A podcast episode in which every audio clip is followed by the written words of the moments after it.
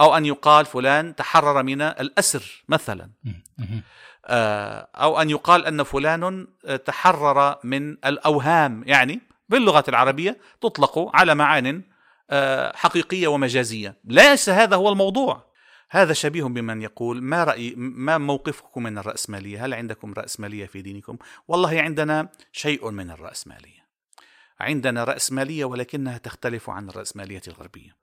صارت فكرة الحرية بل الحريات العامة الحرية الشخصية حرية الرأي حرية الاعتقاد حرية التملك صارت أساسا للتشريعات التي نشأت في الغرب. نعم. هذا المفهوم للحرية هو الذي حين نسأل عنه يجب أن نجيب على هذا الأساس.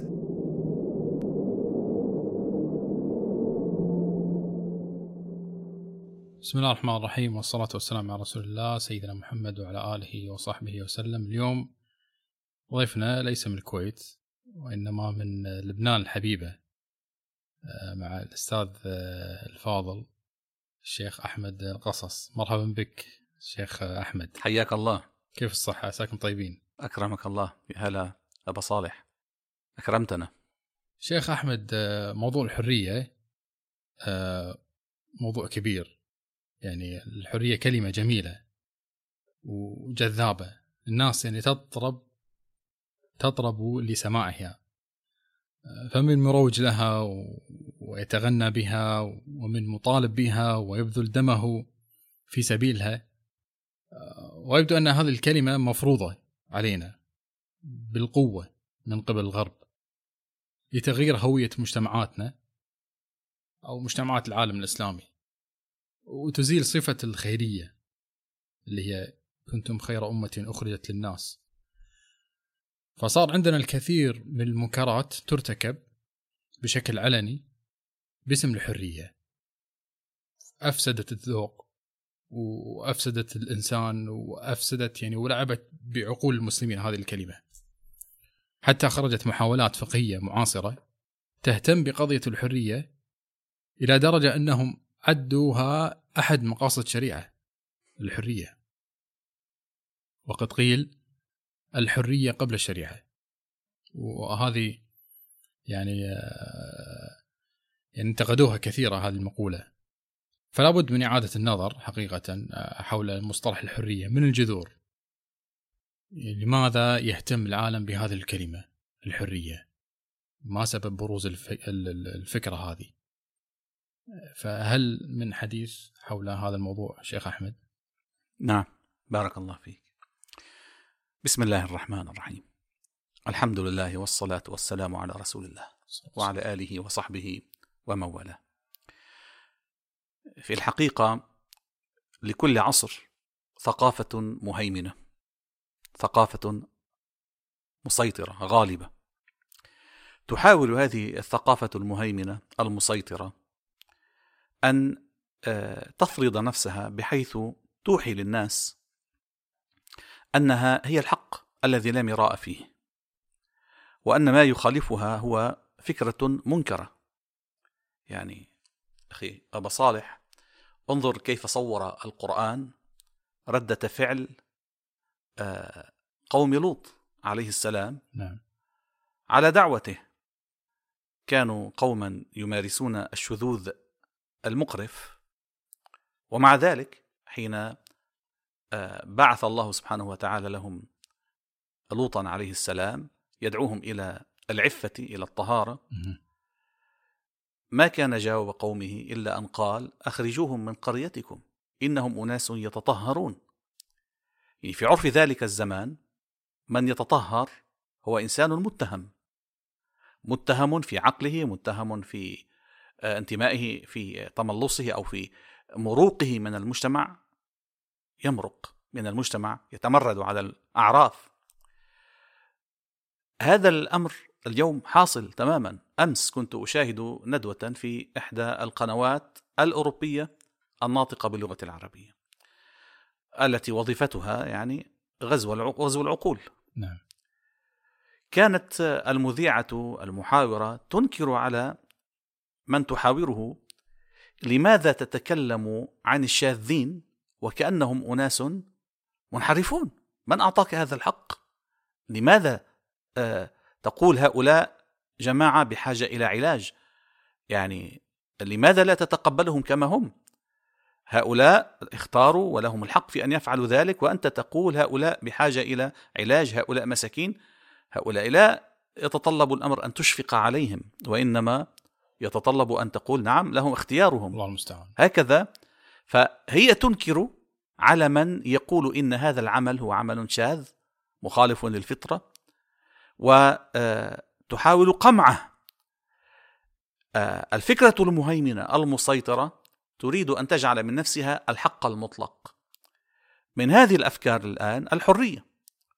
ولاحظ أن المثال الذي ضربته الآن عن تلك المحاورة التي تنكر على محاورها أن ينظر إلى الشذوذ على أنه ظاهرة سيئة تنكر عليه.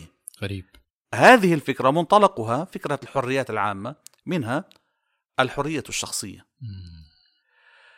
فنحن الآن آه، أمام من يريد أن يقمع الناس بأنه من يخالف ثقافته هو متخلف. الغرب الآن آه، يطرح ثقافته بين الناس لا على أنها ثقافته. في نظر الغرب أو في زعم الغرب حضارته طريقة عيشه ثقافته مفاهيمه تشريعاته هذه ليست آه، هوية غربية. هذه آه، آخر ما توصل إليه التقدم البشري. وبالتالي كل من يتخلف عن تبني هذه الأفكار هو إنسان متخلف يريد أن يعيش في الماضي ولا يريد أن يتقدم. يعني هم ينظرون إلى أفكارهم عن آه، العلمانية الديمقراطية الرأسمالية الحريات العامة بوصفها علما بوصفها آخر ما تقد آه، ما توصل إليه العقل البشري. مثلها مثل الفيزياء والكيمياء والطب. فأنت حين ترفض ثقافتهم وتشريعاتهم ووجهة نظرهم في الحياة فأنت شبيه بمن يرفض النظريات العلمية والحقائق العلمية. أنت شبيه بمن يقول إن الأرض آه، مسطحة ما زلت على أفكار القرون الماضية. أنت يعني كما الذين يقولون إن الأرض مسطحة والأرض هي التي آه، هي مركز الكون والشمس تدور حولها أنت مثل هؤلاء ما دمت ترفض فكرة الحريات العامة والحريه الشخصية. ما دمت ترفض العلمانية وفصل الدين. اذا هذه آه، أنت متهم بأنك متخلف تريد أن تبقي نفسك ومجتمعك وأمتك في الخلف. وإن أردت أن تتقدم إلى مصاف الدول المتقدمة فعليك أن تلتحق بها فكريا وأن تتبنى الأفكار. ليست هي افكارا غربية كما يقولون إنما هي طريقة العيش المثلى للإنسان للإنس... للإنسانية. نعم نعم. كلها. أتوقع شيخ هذا ينقلنا بعد يعني من الحضارة يعني يعني عدم تفريغ بين بين الحضارة والمدنية. تماما. بين الأشياء اللي إحنا نستطيع يعني نلبسها مثلا أو نستخدمها كالسيارة كالملابس. صحيح. والأفكار. أتوقع يعني هذا ينقلنا. زين شيخ سؤال ثاني شيخ. نعم. يعني لنجلس معا أمام القرآن ونتأمل. يعني كيف وجدت الحرية داخل القرآن؟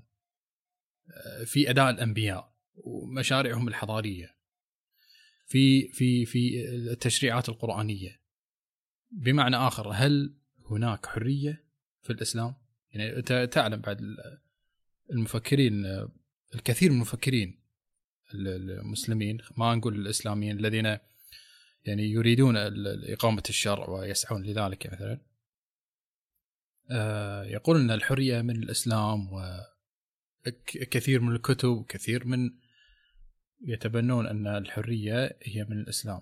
فهل هناك حرية في الإسلام؟ جيد. في الحقيقة يعني هذا دليل على أن الأمة فقدت حصانتها الفكرية فقدت مناعتها الفكرية حين بدأت تحاول أن تزعم وجود فكر عدوها في دينها في ثقافتها. هذه محاولة التوفيق بين الاسلامي والحضارة الغربية والثقافة الغربية. لأن الغرب تفوق تغلب نهض ارتقى. شعر المسلمون بأنهم في موقف الضعف وأنهم في آه، هو أنه محله تهمة موضع تهمة. فأرادوا أن يردوا التهمة عن أنفسهم. فإن قال لهم الغرب أنتم لستم ديمقراطيين قالوا بلى نحن ديننا ديمقراطي. والديمقراطية من صلب الدين وعندنا الشورى هي الديمقراطية. آه ولكن أنتم ترفضون الرأسمالية. لا نحن نظامنا الاقتصادي الذي أتى به الإسلام نظام حر. هذا حين يهجم عليهم الغرب. في الماضي حين هجمت فكرة الاشتراكية أتى من ألف كتابا بعنوان اشتراكية الإسلام. اشتراك الإسلام. من أجل أن آه، يرفض أن يرد التهمة عن الإسلام. آه، ولكن أنتم عندكم استبداد. لا نحن عندنا يعني وهكذا ومنها الحرية.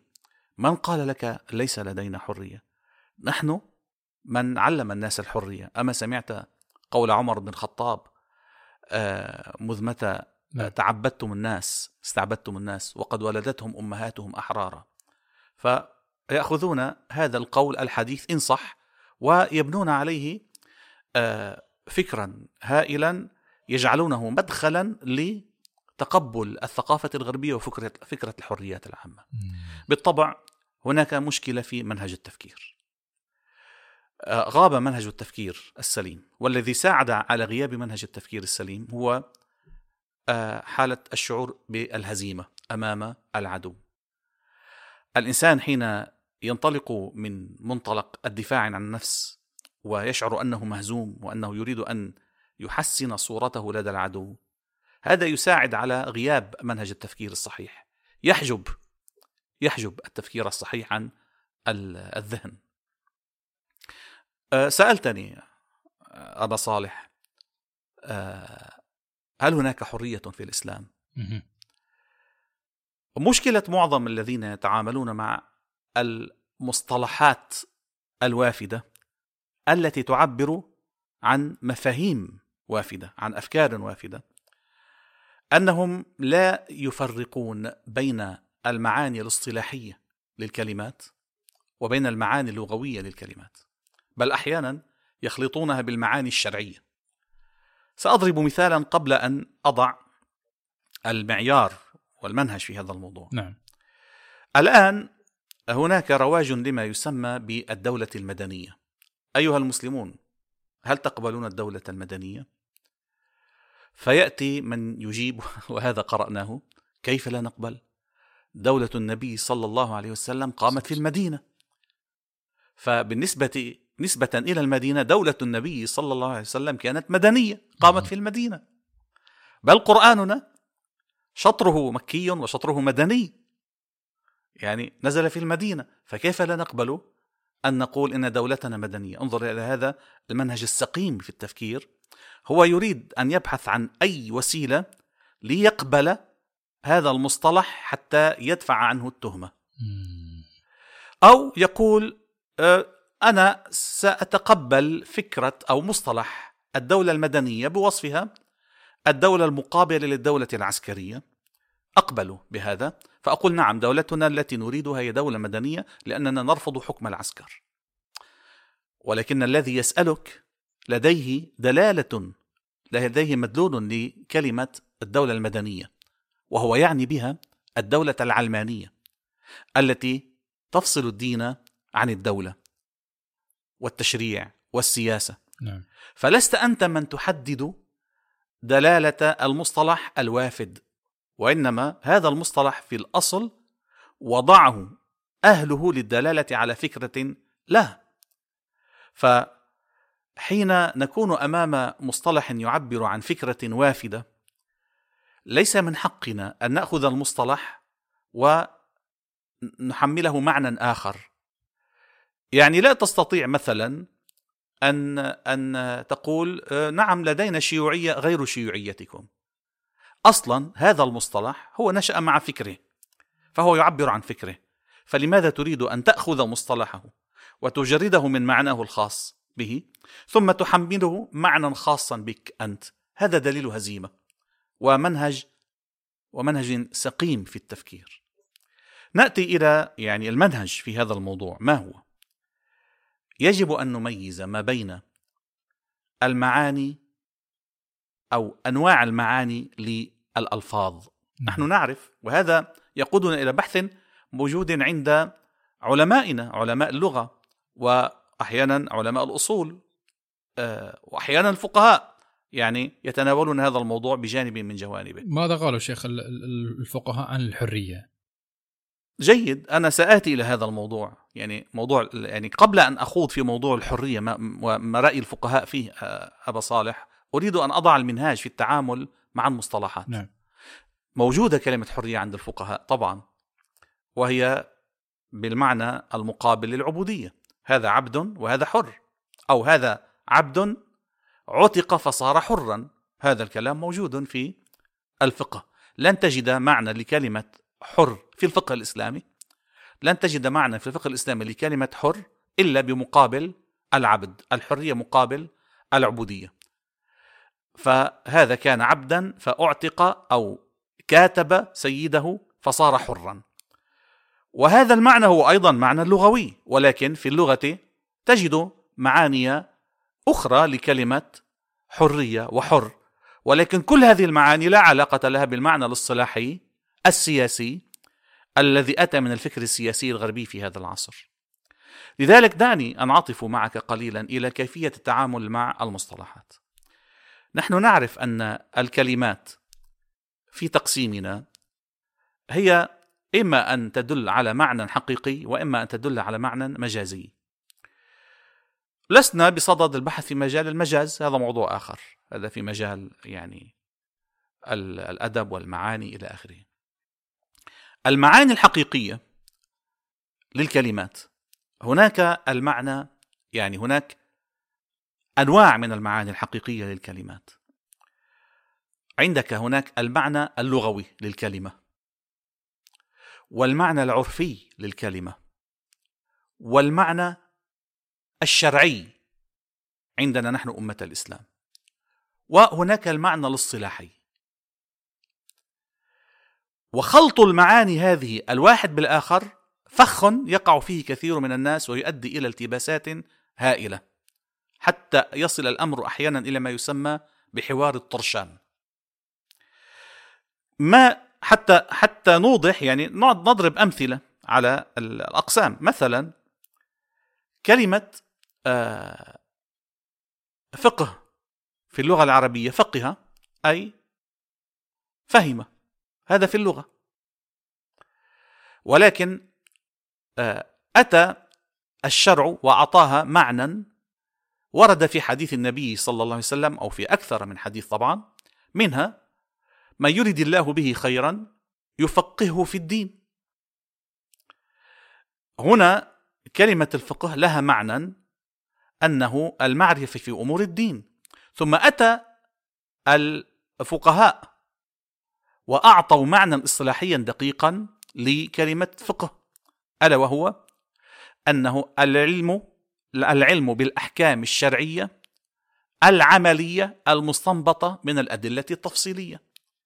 وبالتالي يكون هذا العلم مخصصا بمعرفة القضايا الشرعية العملية. فلا يسمى آه، علم العقائد فقها وإن كان البعض سماه فقها أكبر. ولكن في الاصطلاح الذي استقر كلمة فقه في عند آه، الفقهاء وعند علماء الإسلام تعني العلم بالأحكام الشرعية التفصيلية العلم العلم بالأحكام الشرعية العملية المستنبطة من الأدلة التفصيلية. نعم. لاحظ هنا كيف اختلف المعنى بين المعنى اللغوي والمعنى الاصطلاحي عند الفقهاء. فاذا هنا نحن أمام آه، معان. في الكلمة الصلاة في اللغة العربية تعني الدعاء. وفي الشرع أتى وأعطاها شرع معنى شرعيا.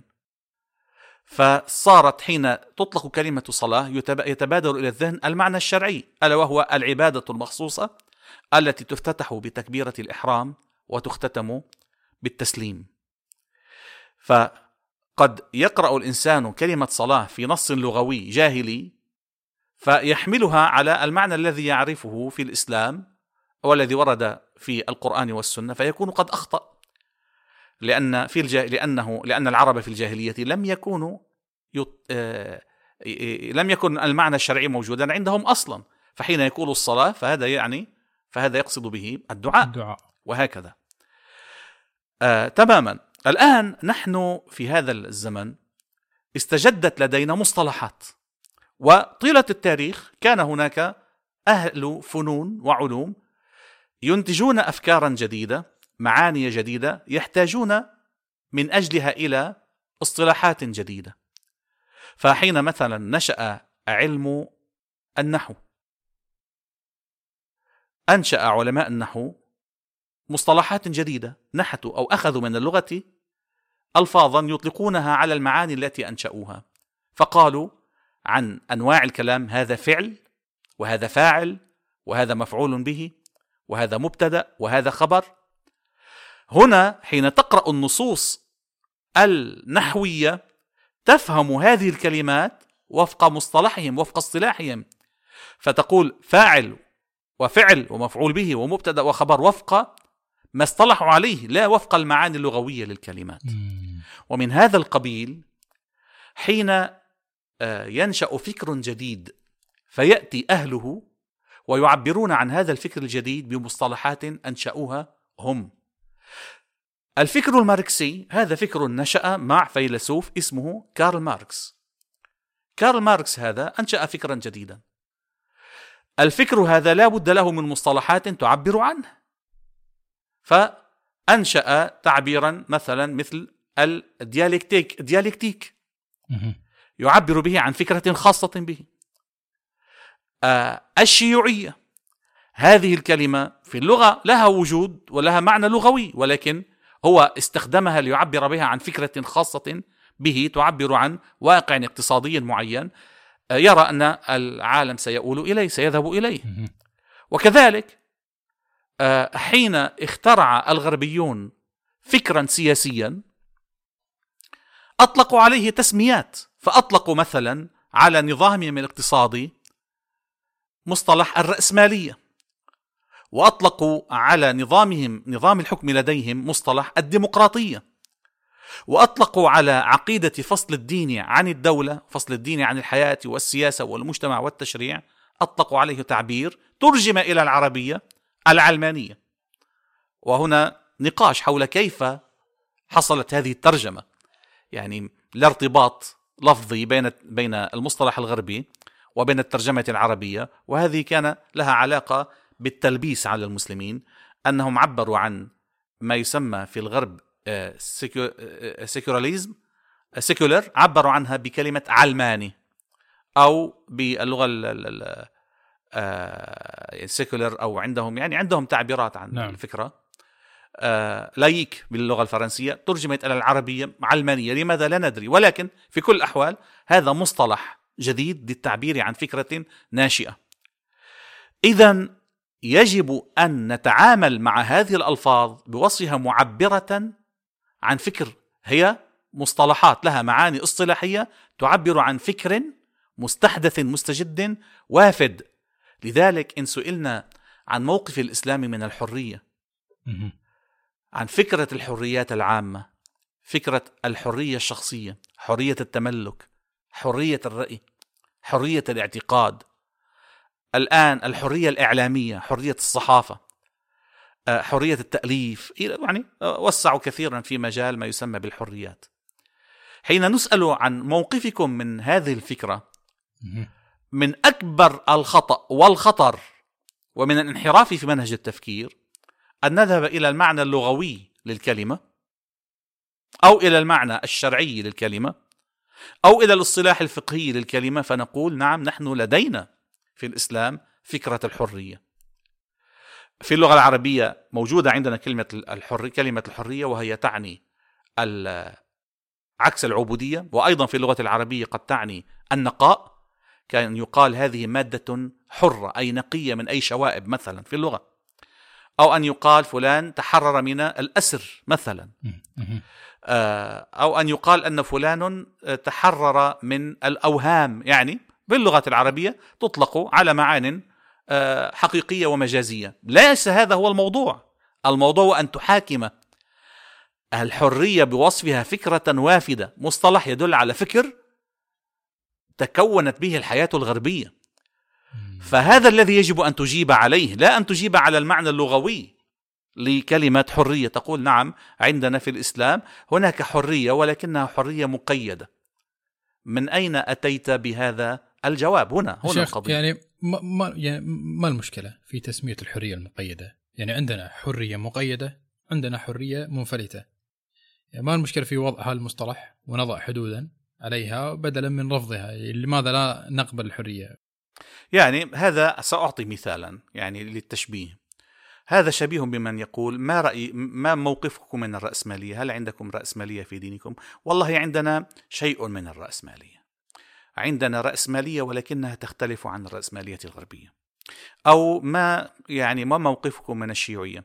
الشيوعية في لدى الماركسيين هي شيوعية متطرفة، عندنا شيوعية معتدلة. أو كالقول آه نعم آه يعني آه علمانيتكم علمانية متطرفة كلية نحن عندنا العلمانية الجزئية في الإسلام مقبولة أو وهكذا آه أنت بكل بساطة آه تأخذ المصطلح الذي يدل على فكر آخر وتحاول أن تعطيه معنى من عندك أو تحاول أن تظهر أن الإسلام فيه شيء مما عندكم. الحرية المقيدة. ما المقصود بالحرية المقيدة؟ سيقول لك الغربي وأيضا عندنا الحرية مقيدة. أليست الحرية في الغرب مقيدة بأن لا تؤثر على حرية الآخرين؟ يقولون تنتهي حرية كل فرد حيث تبدأ حرية الآخر. نعم. والحرية تقيد بحقوق الآخرين بعدم يعني تنتهي حريتك حين تقترب من حق الآخرين ومن حريات الآخرين. إذا هو أيضا يقول بالحرية المقيدة الحرية التي تقيد بنفسها. أصلا فكرة الحرية عند الغرب ما منشأها؟ فكرة الحرية في الغرب منشأها أن الإنسان الذي عاش في القرون الوسطى في حضارة القرون الوسطى في أوروبا ألف سنة تقريبا هذا الإنسان عاش في ظل سلطات تقول له أنت لست حرا في أن تفعل ما تشاء آآ آه، آه، في هذه الحياة خاضع لتوجيهات الكنيسة. بل أكثر من ذلك حين اختلطت النصرانية بأفكار أخرى وصلت إلى آه، القول بأن هذه الحياة ليست هي مكانا لسعادة الإنسان وإنما هذه الحياة هي عقوبة على خطيئة الإنسان الأول. فيجب على كل مؤمن أن يعيش في هذه الحياة حياة يقر فيها بأنه معاقب. والمعاقب هو ليس حرا. أنت تحت العقوبة فكيف تدعي الحرية؟ أنت من هنا وحتى تموت أنت تحت العقوبة. بل خير طريقة تعيشها حتى تحقق الغاية التي وجدت من أجلها في هذه الحياة هي أن آه، تساهم في عقوبة نفسك. فتهجر ملذات الحياة.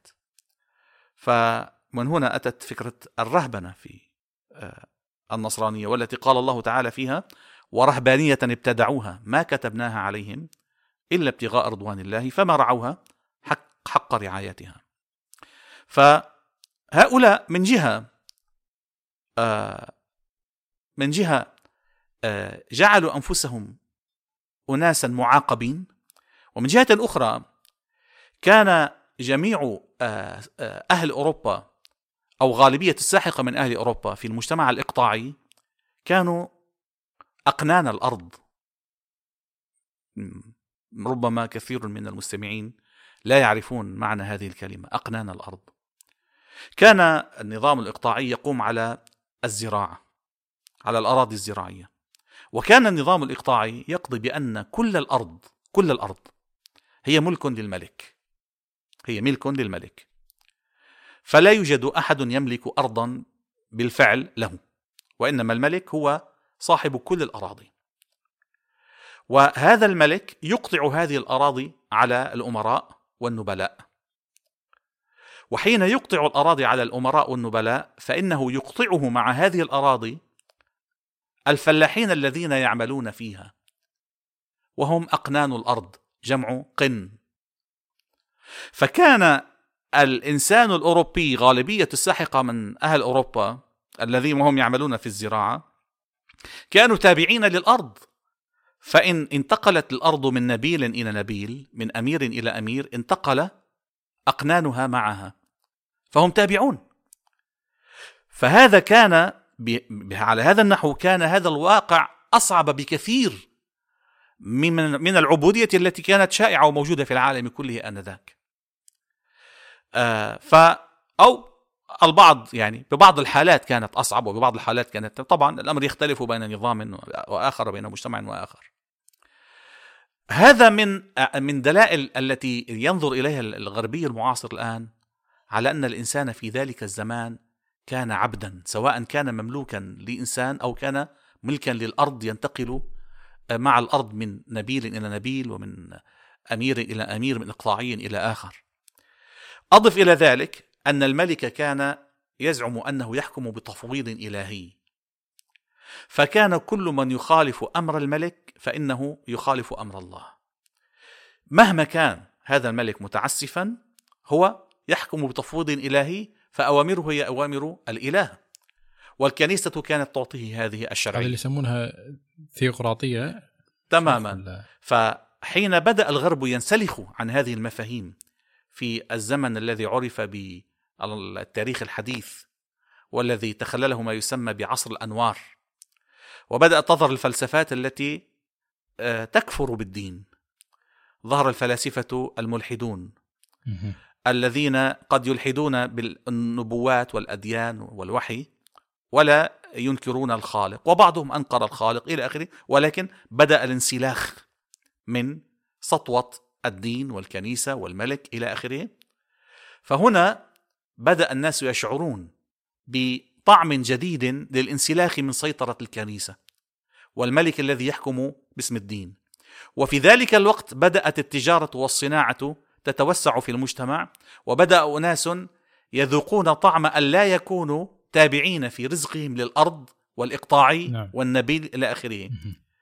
بدأوا يعبرون عن هذه المفاهيم الجديدة وعن هذا النمط الجديد من العيش بتعبير يعاكس الواقع الذي كانوا يعيشون عليه فبدأت تتسع فكرة الحرية عندهم وبدأت الحرية تصبح حلما جميلا وبدأت كلمة الحرية تصبح معنى متألقا براقا في ذلك المجتمع.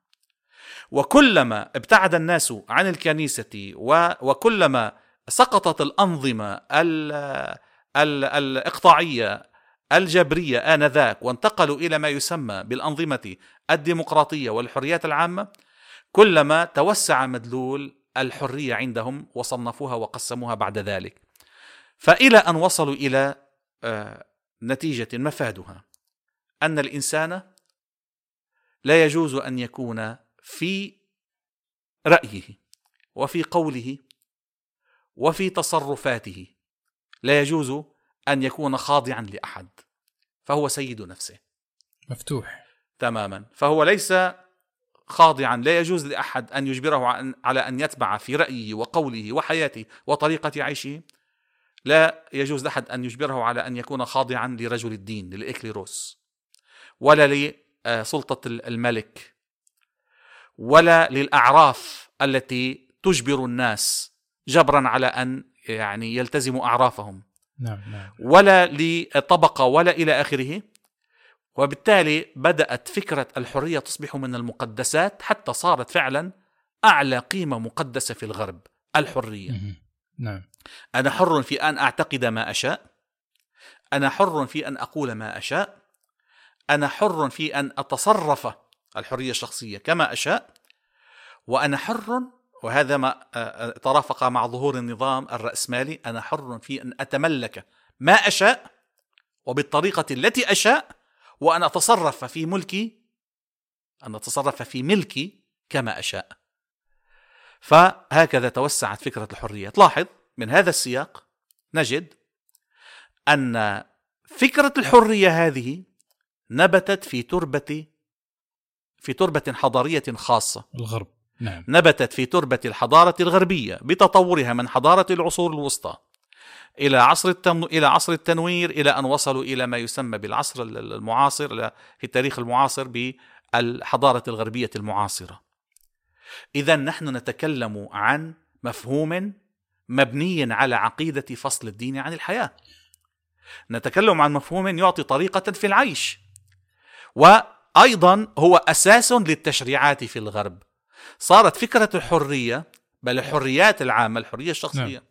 حرية الرأي حرية الاعتقاد حرية التملك صارت أساسا للتشريعات التي نشأت في الغرب هذا المفهوم للحرية هو الذي حين نسأل عنه يجب أن نجيب على هذا الأساس أن هذه الفكرة للحريات هذه الفكرة عن الحريات هي التي يجب أن نعطي الجواب عنها لا عن المعنى اللغوي لكلمة حرية في اللغة العربية ولا عن المعاني التي وردت في كتب الفقهاء نعم. مثلا. نعم. هذا موضوع آخر. ولا نأتي بحديث عمر بن الخطاب إن صح لا أدري مدى صحته. والله آه متى تعبدتم الناس وقد ولدتهم أمهاتهم أحرارا؟ هذا كلام فقط كان فيه إنكار على وال تعامل مع رعيته من النصارى الأقباط معاملة لا تجوز. هل ظننت يا فلان أن هؤلاء الناس هم عبيد لديك؟ أي هم ملكك؟ بهذا المعنى لا أكثر ولا أقل. آه، فهذا الخلل والخطأ الذي حصل أننا قبلنا أن تكون الحرية فكرة إنسانية عامة وفكرة نبيلة ورحنا نبحث عن وجودها في إسلامنا في لغتنا في فقهنا في تراثنا الإسلامي. كيف هي شيخي هي تصادم يعني؟ أعذرني عليك. أعذرني اطلت عليك قليلا لا بالعكس أنا والله استمتعت والله شيخنا. بس آه، كيف الله. كيف هي يعني تصادم النصوص الشرعية؟ يعني من أي ناحية يعني, يعني مثلا خلينا نبدأ مثلا آه، عوامل الحرية. ما هي عوامل الحرية؟ هل لها أساس يعني؟ نعم نعم جيد. اذا لنضع هذه الفكرة يعني التي نحن توصلنا إلى معناها الآن وهي فكرة الحريات العامة الموجودة في الغرب فكرة الحرية التي تجعل الإنسان منفلتا من أي قيد. فهو ليس ملزما لا بأمر رباني ولا ملزما بأي قواعد لا بأي قيم ولا بقواعد نبيلة. هو هو يقرر نفسه القيم التي يراعيها هو يقرر نفسه سلوكه هو حر في أن يختار ما آه، ما يشاء من طريقة الإشباع لغرائزه لحاجاته العضوية كيف يتصرف كيف يتملك هو حر في أن يفعل ما يشاء. في الإسلام الأمر مختلف كليا. كيف يختلف؟ في الإسلام نعم آه الإسلام آه قرر أن الله سبحانه وتعالى خير الإنسان. خير الإنسان بأي معنى خير الإنسان؟ يعني نجد في كتاب الله تعالى وقل الحق من ربكم فمن شاء فليؤمن ومن شاء فليكفر. يأتي بعض الناس ويستدلون بهذه الآية وما يشابهها من الآيات التي تحمل المعنى نفسه. يستدلون عليها بأن الإسلام ترك الناس ليفعلوا ما يشاءون ولا يجبرهم على شيء ويستدلون بقوله تعالى لا إكراه في الدين. هذه الآية وشيخ بعد يعني ويستدلون قصة آدم بداية آه، خلق آدم و وأن الله سبحانه وتعالى أعطاه حرية الاختيار. نعم. إذا عدنا إلى البداية أعطاه حرية الاختيار بمعنى أنه أعطاه القدرة على الاختيار. هنا الناس آه، يخلطون بين أن الله سبحانه وتعالى أعطى الإنسان القدرة على الاختيار وبين أنه أعطاه الحق في حرية الاختيار. شتان بين المعنيين. يعني الله سبحانه وتعالى أعطى آدم القدرة على الاختيار. ولكنه في الوقت نفسه آه لم يعطه الحق لم يعطه الحق في أن يختار أي شيء بدليل أنه قال ولا تقرب هذه الشجرة فتكونا من الظالمين. لو كان له الحق في أن يختار ما يشاء الحق لما منعه عن اختيار هذه الشجرة ولما عاقبه على الأكل من هذه الشجرة. عوقب آدم وحواء عوقبا على الأكل من هذه الشجرة. انظر هنا لا بد أن أن الفرق قد اتضح بين أن الله سبحانه وتعالى قد أعطى الإنسان القدرة على الاختيار ولم آه، يجعله مسيرا في سلوكه وبين ما أعطاه من حق وما حرم عليه ما جعله حقا له وما لم يجعله حقا له. آه نعم. قال لآدم وحواء اسكن أنت وزوجك الجنة وكلا منها حيث شئتما رغدا. إذا هنا له الحق في أن يأكل لأن الله سبحانه وتعالى أباح له أن يأكل. بالمقابل ولا تقربا هذه الشجرة فتكونا من الظالمين. إذا أعطاهما القدرة ولكن لم يعطهما الحق في كل شيء يقدرون عليه. لم يعطهما الحق في على أن يفعلا كل شيء يقدران عليه. أنت تقدر على أن تفعل هذا وذاك. لك الحق في أن تفعل هذا وليس لك الحق في أن تفعل ذاك. فحين يقول الله سبحانه وتعالى وقل الحق من ربكم فمن شاء فليؤمن ومن شاء فليكفر. هذا يعني أنني تركت لك أيها الإنسان القدرة على أن تختار إما الإيمان وإما الكفر. وبعد ذلك يتوعده أنك إن تركت الإيمان واخترت الكفر إن تركت الهدى واخترت الضلال فسوف يكون مآلك إلى جهنم وبئس المصير. فهل هذا يكون تخييرا بمعنى أنه أعطاه الحق؟ لا. هذا يعني أن الله سبحانه وتعالى بأوامره ونواهيه قد قيد الإنسان ولم يجعله حرا بالمعنى الذي يحمله الغربيون الآن بمعنى أن الإنسان ليس مقيدا بأي قيد أو شرط وإنما هو حر في أن يفعل ما يشاء. شرط أن لا ينتهك بحريته حرية الآخرين. هل هذا موجود في الإسلام؟ لا. في الإسلام الأحكام الشرعية افعال العباد في الإسلام أفعال العباد كلها لها أحكام شرعية. لا يخلو فعل من أفعال العباد عن حكم شرعي. يعني يعني لا يجوز للإنسان أن يقدم على أي فعل قبل أن يعرف حكم الله فيه. أين الحرية في هذا؟ بالمعنى الغربي. يقول لك ولكن لا أحد يجبره. سواء أجبره أحد أم لم يجبر أحد هو في آه، في مفهوم الحق والباطل في مفهوم ما له ما هو حقه وما ليس له حقه هو حدد له سلوكه في أن هذا من حقك وهذا ليس من حقك. فالمؤمن الإنسان كل فعل من أفعاله لا يخرج عن أحد الأحكام التكليفية الخمسة.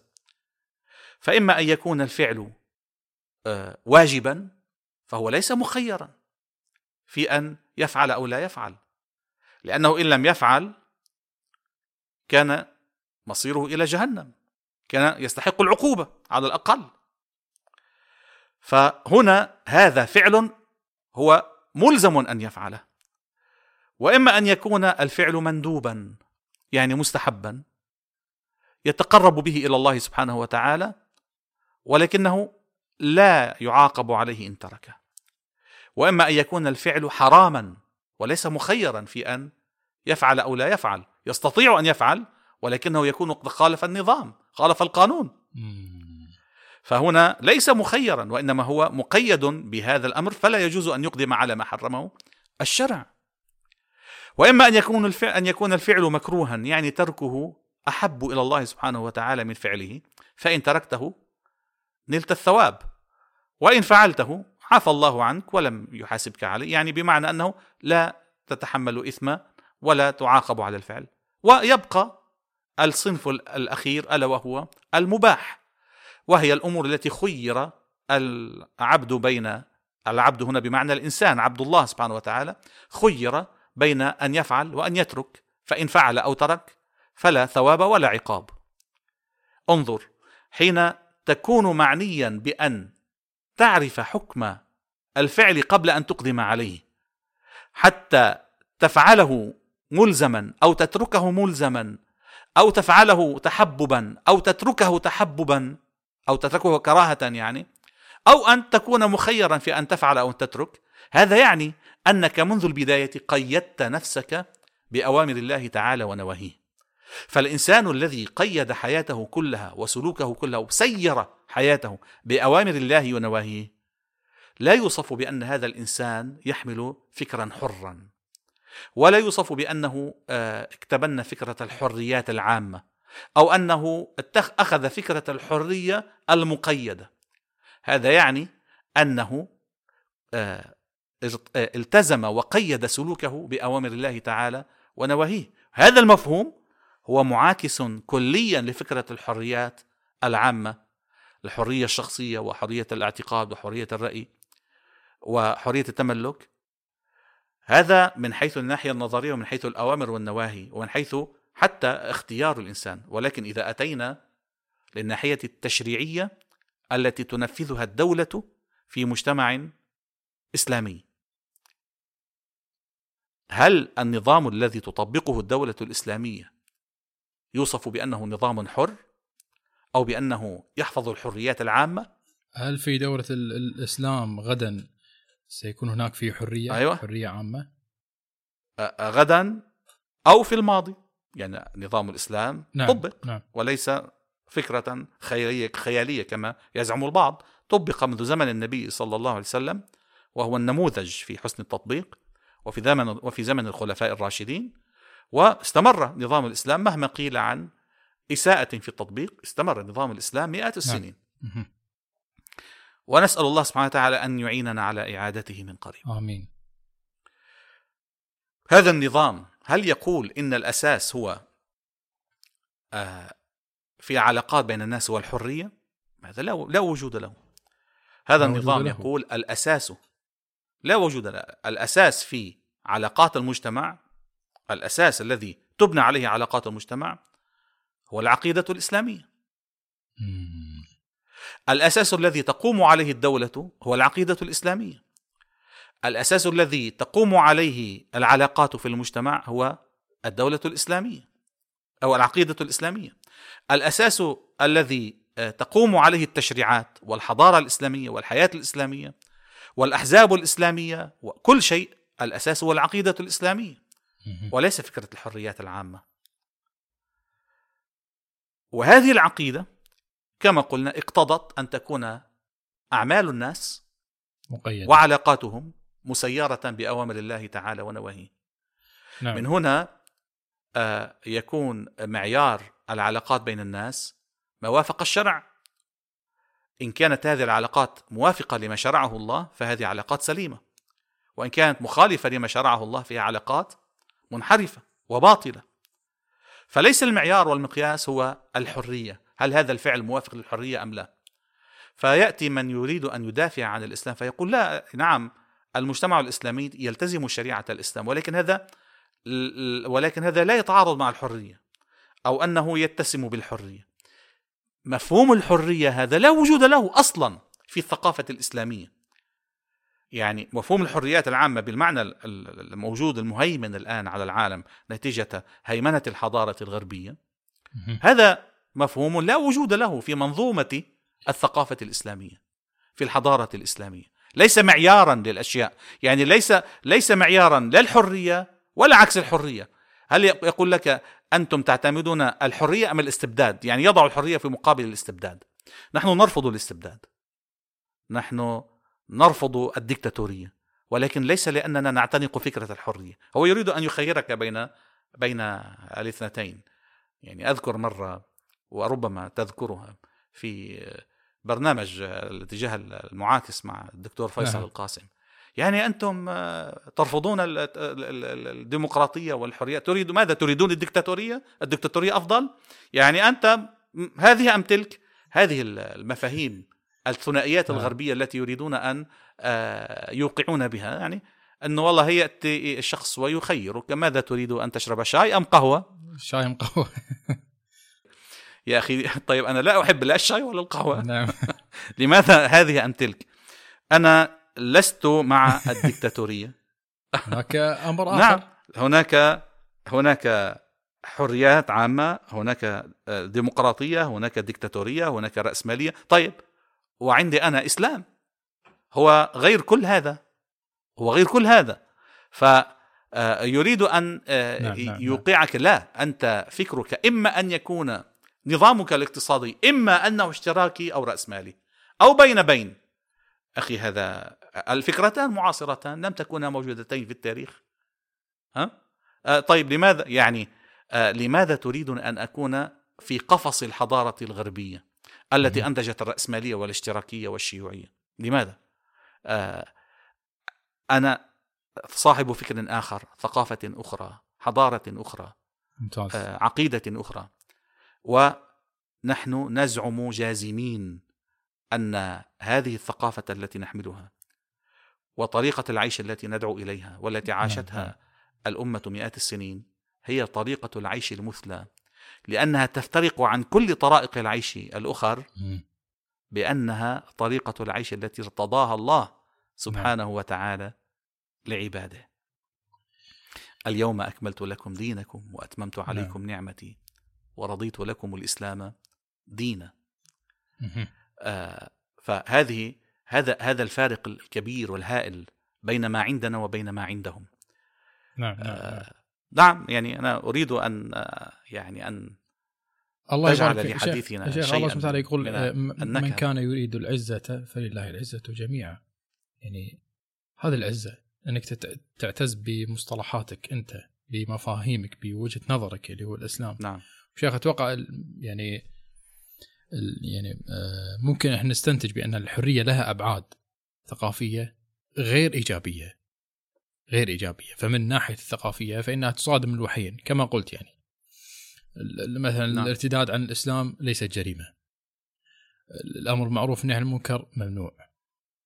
ال- ال- المخنثين الليزبينز وجيز آه، لهم حقوق لهم خطوط حمراء. وكذلك أتوقع راح ندخل في تخصصك شيخ التاريخ. كذلك من ناحية سياسية. يعني حين يذكر الغرب محاسن الحرية. كأنها جنة بين قوسين. جنة الأرض. ويقول آه، أنه يسعى لإقامتها. يقفز على يعني حقائق تاريخية آه، لا يمكن شطبها. يعني من بداية أمريكا مثلا آه، لما أبادوا الهنود الحمر. ست قبائل إلى يومنا هذا. وإنكار هذه الأشياء يعني يظهر لنا موقفا يعني طفوليا صراحة. يا شيخ خلينا نأخذ مثلا هليكوبتر. أنا وياك ونحلق فوق تمثال الحرية. سنكتشف أن ال- الشعارات البراقة هذه الحريات العامة و التي يعني رفعوها كانت غطاء للاحتلالات التي أنزلوها على الأمم الأخرى. اذا هم احتكروا جنتهم عن الآخرين غير يعني مستعدين لدمج حضارتهم مع الناس أو التصدق علينا. فما رأيك ب- هذه لفتة رائعة جدا منك أبا صالح. في في في عز آه، تغني الغرب في ذروة تغني الغرب بالحرية حين كان الفرنسيون يرفعون شعار الحرية في الثورة الفرنسية الكبرى. وفي آه، زم في وقت متزامن أيضا في ال- الثورة الأمريكية على الاحتلال الإنجليزي. وجعلوا للحرية تمثالا. ما زال يعني حتى الآن من أبرز رموز العالم تمثال الحرية. والفرنسيون آنذاك ما يعني رسموا لوحة لا زالت حتى الآن تعد أيقونة لفكرة الحرية. تلك المرأة التي تقود الثوار وهي عارية الصدر مم. للرمز بأن من يقود هذه الثورة هي الحرية فهذه المرأة تحررت من قيود الكنيسة ومن الاحتشام وإلى آخره وأعلنت أنها حرة فهذه الحرية هي التي تقود هذه المستعان. بصرف النظر لاحظ أنه في ذروة التغني بالحرية ولا وحتى يومنا هذا ما زالت يعني ما زال شعار الحرية هو الصنم الأكبر الذي يعبد في هذا الزمان. تلاحظ أن الذين يرفعون هذا الشعار شعار الحرية هم الذين يمارسون أقسى أنواع الاستبداد والبطش والإجرام والإخضاع. لسائر الأمم. يعني هذه فرنسا التي رفعت شعار الحريات الحرية وقامت ثورتها على أساس الحرية في ذلك الوقت وبعد ذلك الوقت وإلى يومنا هذا تمارس أبشع أنواع الاستعمار. تحت شعار الحرية قتل الملايين من أهل الجزائر تحت شعار الحرية قتل الملايين من أهل الكونغو نعم. على يد البلجيكيين وغيرهم ولبنان شيخ تحت شعار الحرية رواد الحرية في الولايات المتحدة قتل عشرات الملايين من السكان الأصليين الذين هم سموهم الهنود الحمر. نعم. هذا يعني ولاحظ هنا أن الحرية بالنسبة لهم بصرف النظر عن يعني ربما المعنى ال- الأساسي للحرية الذي هو التحرر من الاستبداد وكأن هذا المفهوم خاص بالشعوب الأوروبية. وطبعا نحن نتكلم عن الشعب الأمريكي الآن بوصفه شعبا أوروبيا فهو امتداد للمجتمع الأوروبي. لا ليس في ذهنهم إطلاقا أن هذا الشعار هو متعلق بالأمم الأخرى إلا إلا في الجانب الذي لا يسلخ هذه أو لا ينتشل هذه ولا يخرج هذه الشعوب من الهيمنة والاستبداد الغربي. يعني هو يريد لنا أن نأخذ من معاني الحرية الحرية الشخصية التي ننفلد فيها من أي قيد ديني وخلقي. ويريد منا أن نأخذ فكرة الحرية الاقتصادية التي لا نراعي فيها حلالا وحراما في معاملاتنا المالية والتجارية. ويريدنا أن نأخذ حرية الاعتقاد التي يفتح معها باب الرده. أما ما هم يفتخرون به من أنهم تحرروا من الاستبداد فهم يدعمون الاستبداد في بلادنا. وكلما حاولت الأمة أن تتحرر وبهذا المعنى اللغوي نحن نقبل كلمة التحرر فنحن نريد أن نحرر بلادنا من استبداد الطغاة ونريد أن نحرر بلادنا من الهيمنة الغربية بشتى أشكالها السياسية والثقافية وال والأمنية والإعلامية والاقتصادية إلى آخره. هذا النوع من التحرر الذي هم يفتخرون به ويرون أنهم نالوه من آه، عصر حكم الكنيسة والملوك إلى آخره ومن عصر الطغاة والجبابرة والدكتاتوريين هذا تراه خاصا بهم ولا يسمحون بأن نصل نحن إليه. هذا يعني أن هذه الفكرة التي يحملونها تنطوي على قدر كبير من الدجل من النفاق. في كل الأحوال لا يفهمن أحد أنني هنا أدعو إلى أخذ نوع من الحريات التي يحملونها ويقولون بها وإنما من الناحية اللغوية طبعا يجوز للإنسان أن يقول أريد أن أتحرر من هذا السجن الذي أعيش فيه إن كان نعم. مسجونا ظلما. ومن حقي أن يقول أريد أن أحرر أرضي من المحتل. نحن نريد أن نحرر فلسطين من اليهود الغاصبين. ونريد أن نحرر آه، العراق ونريد أن نحرر أفغانستان ونريد أن نحرر الشيشان من آخره. التقسيمات هنا التحرير. بمعناه اللغوي تماما. آه، نريد أن نحرر البلاد من القيود التي فرضها الغربي عليها من الحدود التي والسدود التي قسمت البلاد. نريد أن نتحرر من التشريعات التي فرضها علينا علينا لا من أجل أن نصل إلى نظام حر وإنما من أجل أن نصل إلى حياتنا الإسلامية التي ارتضاها الله تعالى لنا ونرتضيها لأنفسنا. هذا هذا هذا هذا يدلك على أن على أن فكرة الحريات في الغرب هي فكرة تأكل نفسها تأكل بعضها. وحتى حتى من الناحية التشريعية أبا صالح. هو يقول لك مثلا بالحرية الشخصية أن أن ان أن يختار الإنسان أن يختار الإنسان الحياة التي يرتضيها لنفسه. ولا يحق له أحد أن يتدخل في حياته. يعني اختار أن آه، يتزوج فله ذلك. اختار أن يزني فله ذلك. اختار أن آه، آه، يمارس الشذوذ آه، ممارسات قوم لوط فله ذلك. اختار اختار أن يواقع البهيمة حاشاك يعني. فله ذلك لا أحد يمنعه. نعم. طيب. اختار رجل أن يتزوج اثنت- اثنتين بموافقة زوجه أحيانا. يعني رجل بموافقة زوجته. يعني اختار أن يتزوج امرأة ثانية وث... لا. مرفوض. هنا لا. اين ذهبت الحرية الشخصية؟ هذا يعني أن أنهم لم يستطيعوا أن يصلوا إلى نعم. فكر يعني ينسجم بعضه مع بعض وإنما ما زال هؤلاء يعيشون يعني هم يحملون افكارا هي عقد عقد من الماضي. يعطونها شعارات براقة ويقولون هي الحريات. يعني في آخر تصريح لوزيرة فرنسية قالت نعم سنحارب تعدد الزوجات وسنمنعه وسنطر وسنسحب الجنسية من كل من نكتشف أنه متزوج من أكثر امرأة. ولكن أكيد. انتبهوا هذا لا يعني اننا سنحارب تعدد ال ال ال ال ال الأخدان تعدد ال يعني الصاحبات والصواحب إلى آخره. الله المستعان. لا لا. هذا ممنوع هذا يعني أن يكون هناك عشرة بين رجل وزوجاته بعقد شرعي هذا ممنوع. أما إن كان يعدد العشيقات فلا مانع لدينا المشكلة في العقد الذي يجعل هذه العلاقة طاهرة وعفيفة. هذا. وأيضا آه لن نسمح بأن فليدعو الناس إلى الله ولكن لن نسمح بأن يكون الله أعلى من قيم الجمهورية الفرنسية. هؤلاء يعيشون عقدا ولا وهم يظهرون يظهرون الناس أنهم يحملون فكرا انسانيا هو ذروة ما توصل إليه العلم والعبقرية البشرية. هم في الحقيقة مساكين مساكين معقدون ما زالوا حتى الآن يعيشون عقدة العصور الوسطى ولا يستطيعون الخروج من هذه العقدة. لا يفكرون في التشريع وفي طريقة العيش إلا من خلال الماضي الأليم الذي عاشوه والذي لا نعرفه نحن المسلمون. هذا التاريخ نحن المسلمين لا نعرفه.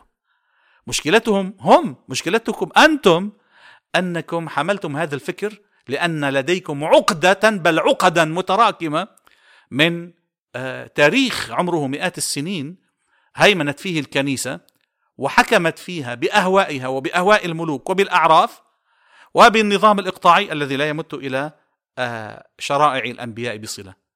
فأنتم افتريتم على الدين ثم بعد ذلك يعني الكنيسة افترت على الدين ثم أنتم افتريتم على الدين بأنكم صدقتم أن هذا الدين هو الذي ظلمكم والذي ظلمكم حقيقة هو الدين الذي شرعه الأحبار والرهبان وليس نعم. الدين الذي أتى به أنبياء الله سبحانه وتعالى. نعم نعم نعم.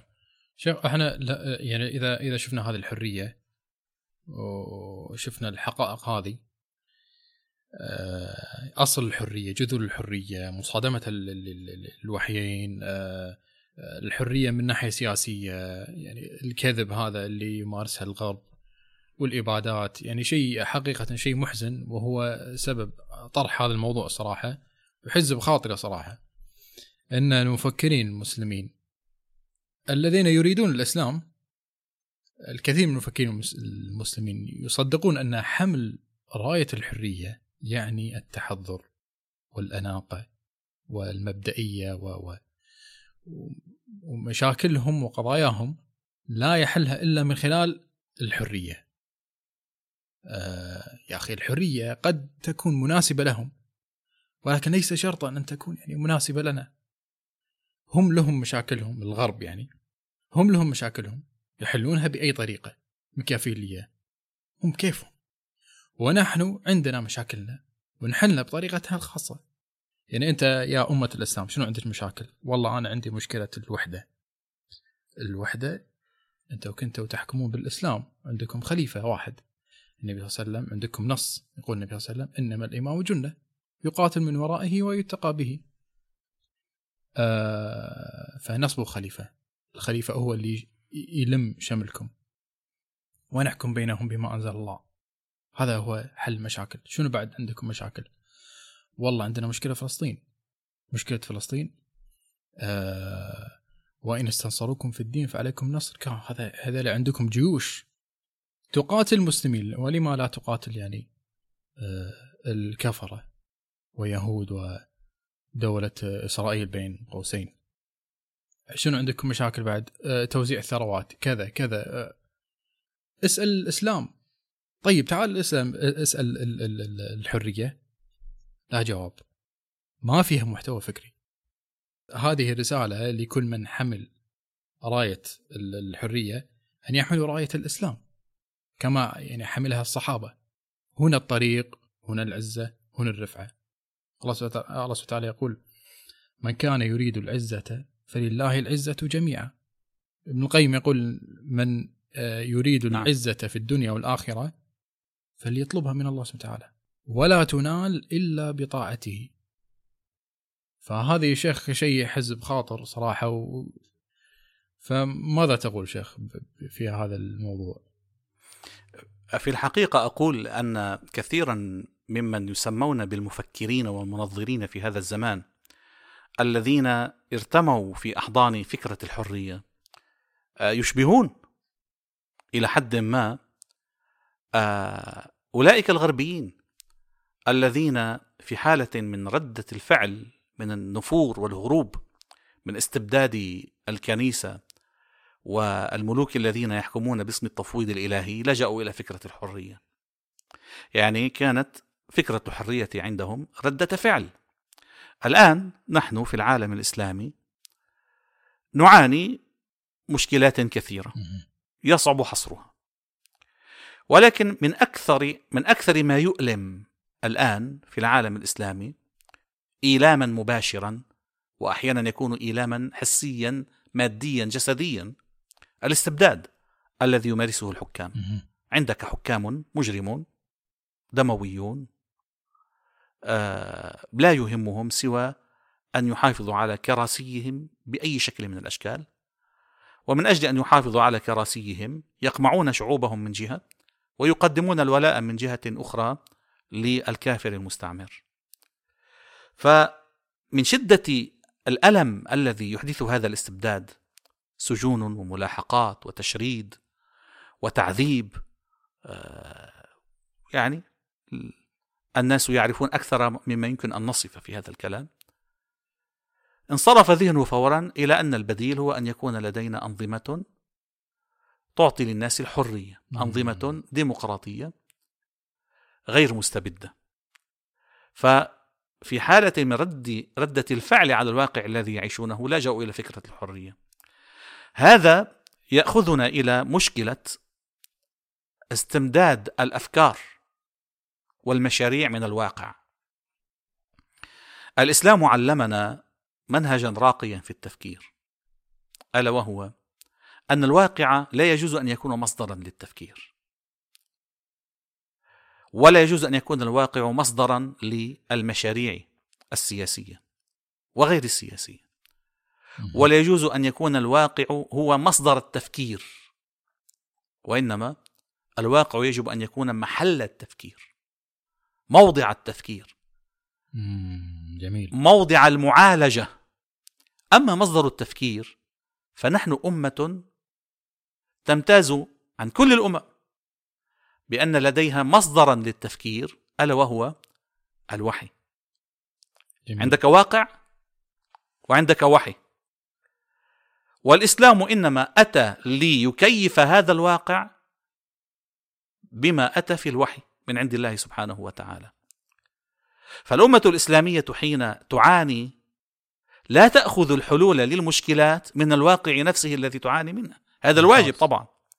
لا يجوز للمسلم لا يجوز للأمة الإسلامية أن تعالج الواقع وذلك بأن تستمد معالجاتها من هذا الواقع فتكون تدور في حلقة مفرغة وتبقى واقعة في مشكلاتها. الإسلام علمنا أن الواقع إنما يعالج بالشرع والشرع مستمد من الوحي. فمصدر تفكيرنا الذي نستلهم منه في تفكيرنا بل الذي لا نستمد منه بالكامل إنما هو الوحي نحن أمة الوحي. فهذه مشكلة ما هو علاجها في الإسلام؟ هكذا التفكير الإسلامي. جميل. حين تكون أمام أنظمة تحكم بغير ما أنزل الله فهي أنظمة طاغوت.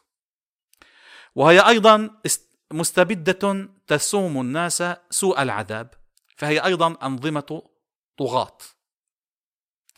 وهي أنظمة تطبق تشريعات تنشر المشكلات بين الناس من اقتصادية ونفسية وعائلية وأخلاقية وإلى آخره. أنت تعرف أن سبب كل هذه المشكلات هو الإعراض عن شريعة الله. نعم. ومن أعرض عن ذكري فإن له معيشة ضنكا. جيد.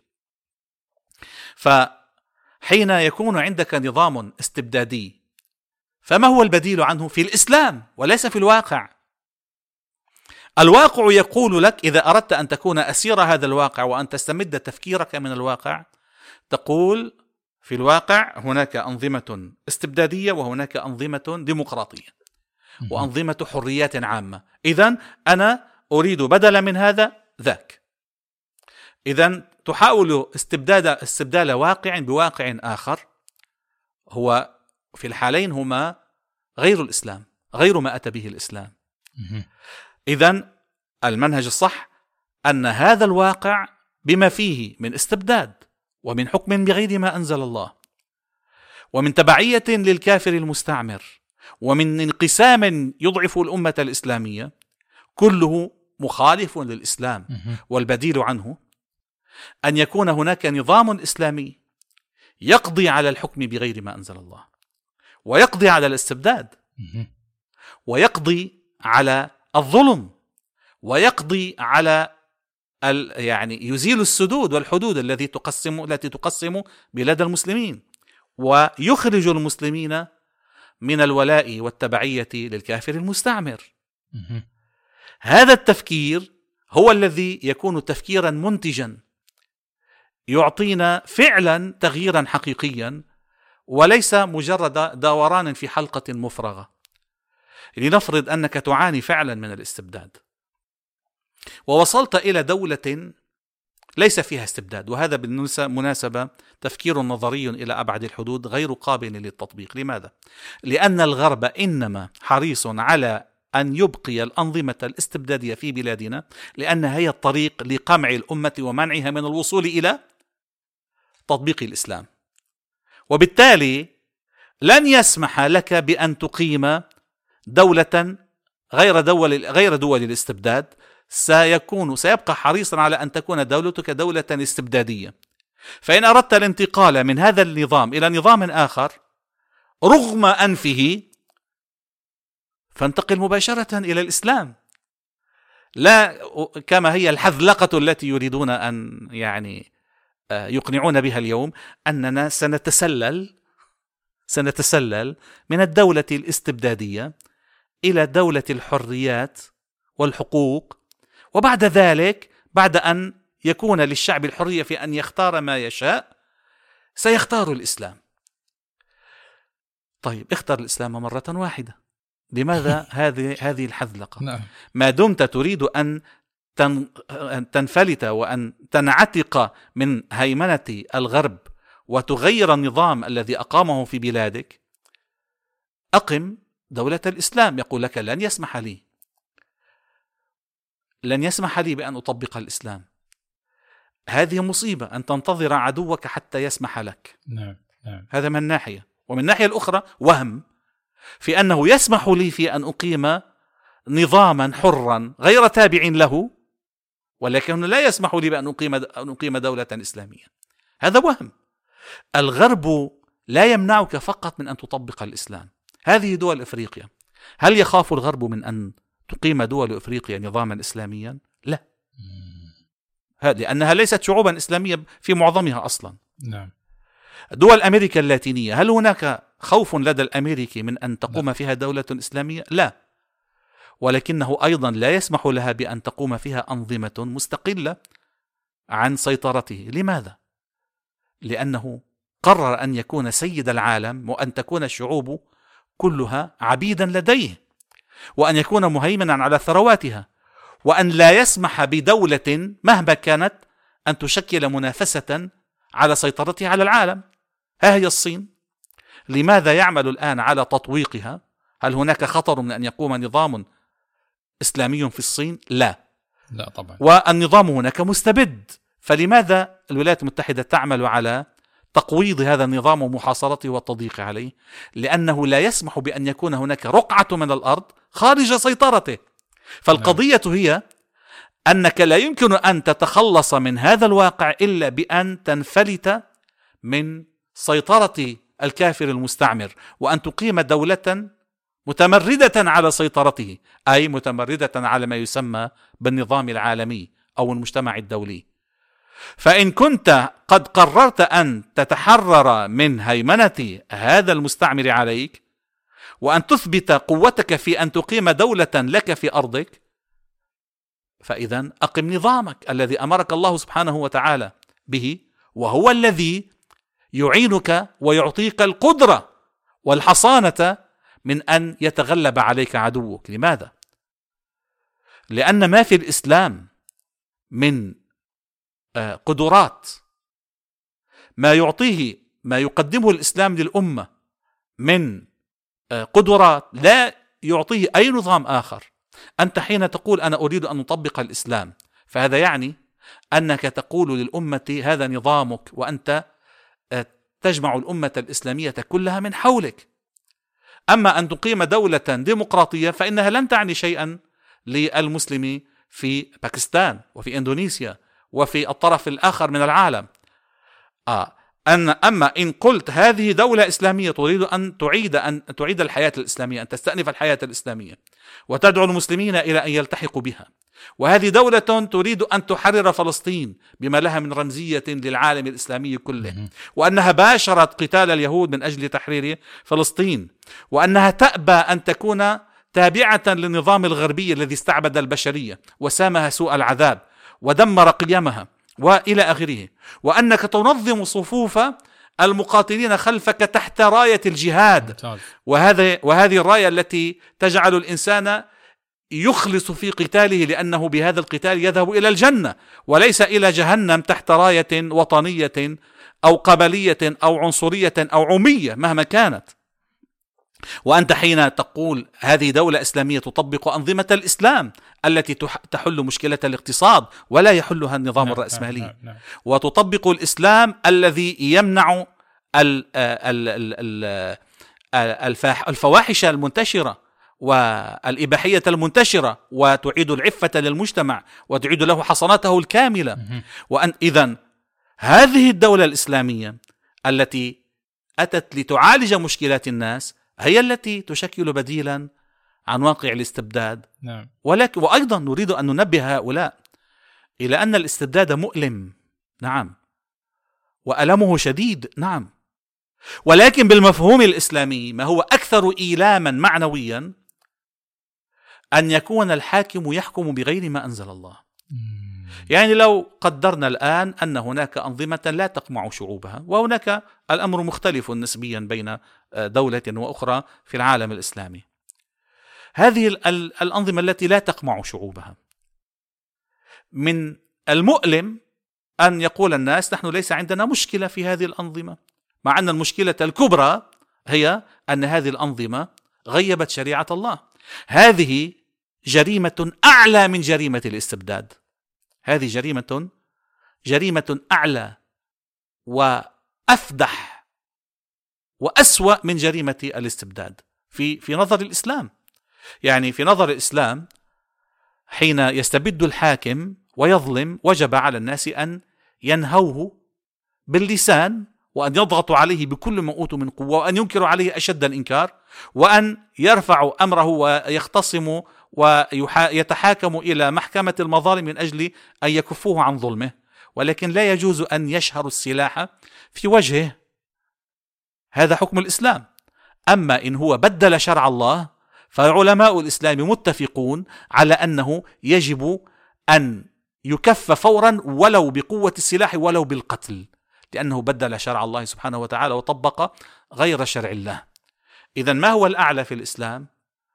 الأعلى في الإسلام قضية سيادة الشرع هو حرم الاستبداد وأمر بأن نواجه الاستبداد والظلم وأن نواجهه بكل ما أوتينا من قوة في الضغط واللسان وإلى آخره تمام وحرم علينا أن نخضع للظلم ولكنه لم. لم.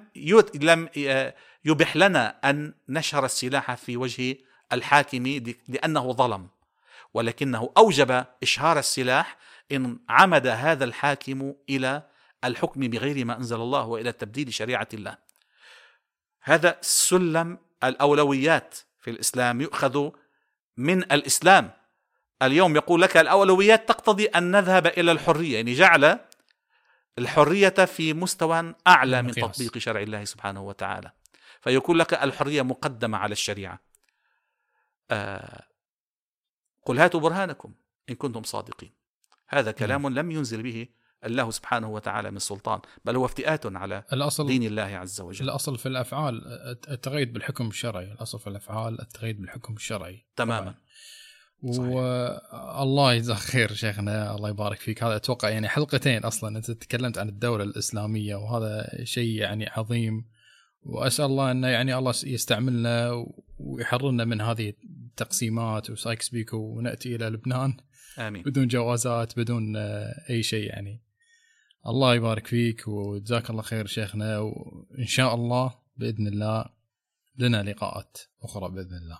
جزاك الله كل خير وشكرا جزيلا لك على هذه الأمسية الجميلة.